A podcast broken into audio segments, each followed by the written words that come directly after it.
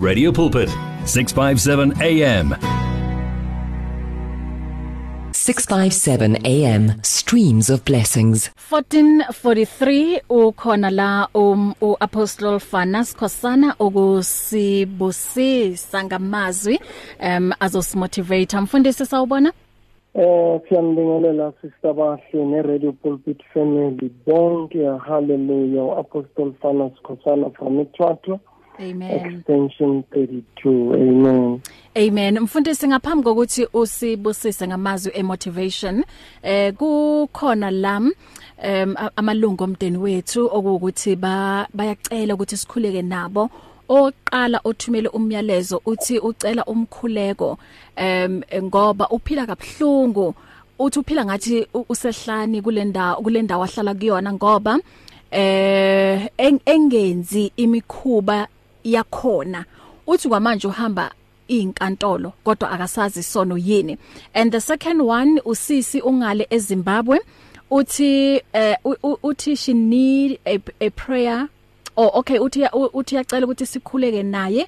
Uthengisa indawo indawo le ahlala kuyo kwamanje uyathanda ukuthi amuvele to a better place. So uyacela ukuthi sikhuleke naye ukuze athole ibhaya akwazi ukuthola imali bese athola indawo em engathi ingconywana. Ngicela sikhuleke nabo mfundisi. Okay Father God I thank you for this opportunity. Naba abantwana bakho babona amandla wonke. Lo omunye father oqala siyamkhulekela ngegama lika Jesu i pray for your peace that surpasses all understanding. Father i pray for your favor.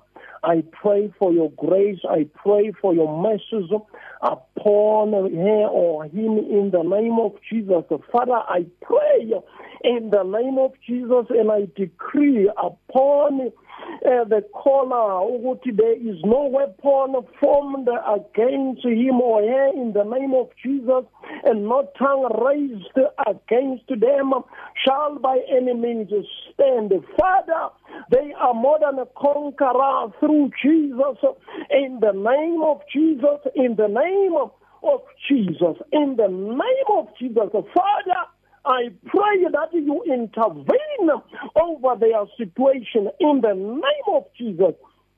Nalo othengisa indawo babomuhle siyamkhulekela naye ngegama lika Jesu I pray for your supernatural working power upon her oh God intervene over her situation. Father I pray that you send the right person to purchase baba le ndawo ayithengisayo ngegama lika Jesu I also pray babona amandla wonke according to Mark 11:23 where you, your word says whatever things you ask for in prayer in Jesus name believing that you have received father Yes, believe that you shall have. Baba, on their behalf, I pray that it is done by faith and not by might nor power, but by the Spirit of the Lord of hosts.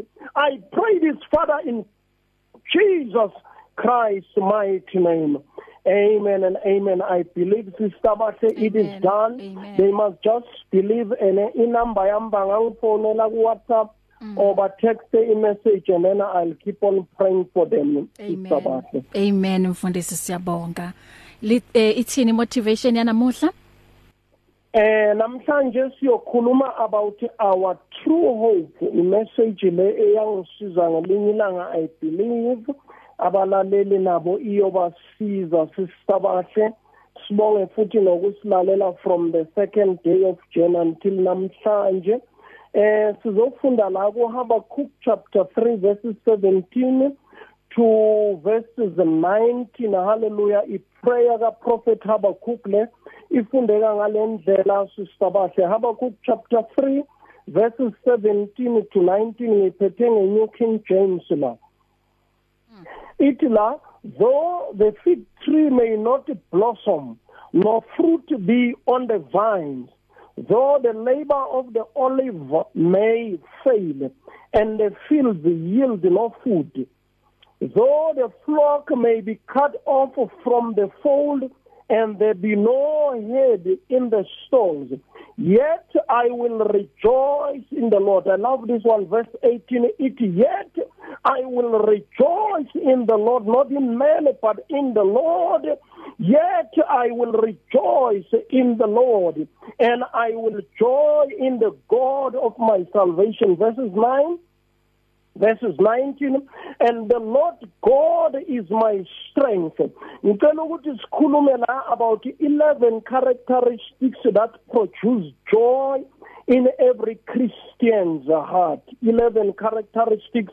Characteristic number 1 our hope comes from God. We read that in Psalms uh, chapter 43 verses 5. Number 2, our hope is a gift of grace. We read that in 2 Thessalonians chapter 2 verses 16 to 17. And number 3, our hope is defined by scripture. Romans 15:4. Our hope is reasonable. 1 Peter 3:15.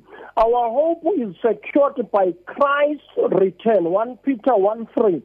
Our hope is confirmed by the Holy Spirit. Romans 15 verses 13. Our hope is a defense against Satan's attacks. 1 Thessalonians chapter 5 verses 8. Number 8, our hope is a strengthened through trials.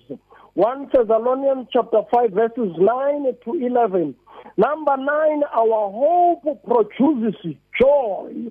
We read that in Psalms 146 verses 5 and Jeremiah chapter 17 verses 7. Asifunde la eh, uPsalms quickly. Uh uPsalms chapter 146 verses 5 it la happy is he who has the God of Jacob for his help whose hope is in the Lord his God. Hallelujah. Jeremiah 17:7 it blessed is the man who trusts in the Lord and whose hope is the Lord. Hallelujah. Number 9 number number 10 our hope removes the fear of death. We read that in 1 Corinthians chapter 15 verses 55 to 57 the last one our hope is fulfilled in Christ's return. We read that in 1 Thessalonians chapter 4 verses 16 to 17 when we have a hope in God. We have a joy. Hallelujah. I read a book earlier on during this week. One man said in his book, he said, a man who knows God through Christ Jesus, they have found, they have found wisdom. They have found wisdom and they no longer chase after the unknown. Sister bahle that's our message for namhlanje ukuthi let us have hope in God and we will have joy. Hallelujah.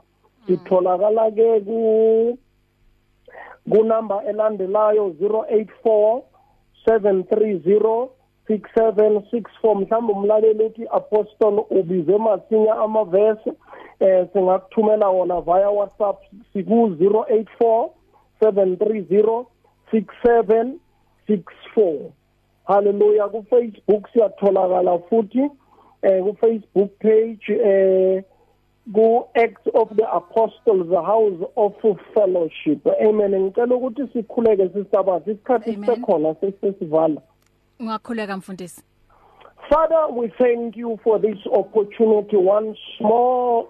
And we bring Sister Mashe and the whole radio pulpit station plus all the listeners in the name of Jesus. Father, I pray for them from the north, south, east, and west. I pray for your grace. I pray for your favor. I pray for your mercies upon them in the name of Jesus, and I decree and I declare that no weapon formed against them shall by any means prosper, and no tongue raised against them shall by any means stand. I decree and I declare under this authority and anointing that they are blessed and favored coming in. They are blessed and favored going out. They are blessed and favored in the city and in the field in the name of Jesus. Father, I pray. Amen and amen. Amen. Mfundisi, thank you so much ukuthi usibusise kule nyanga yonke yaka January until sihlangane futhi.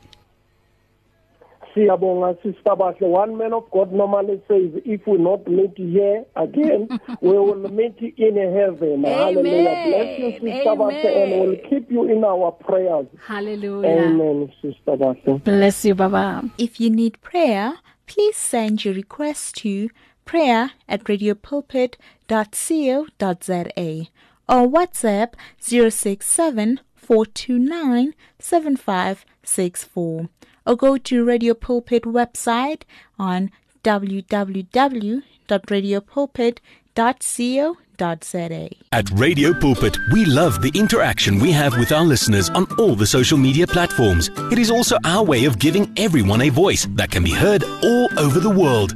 Unfortunately, we have been experiencing huge difficulties with WhatsApp for a while now, and we are now forced to find a viable alternative. That alternative is called Telegram. Telegram is an app that works exactly the same as WhatsApp, and it uses the same telephone number as well.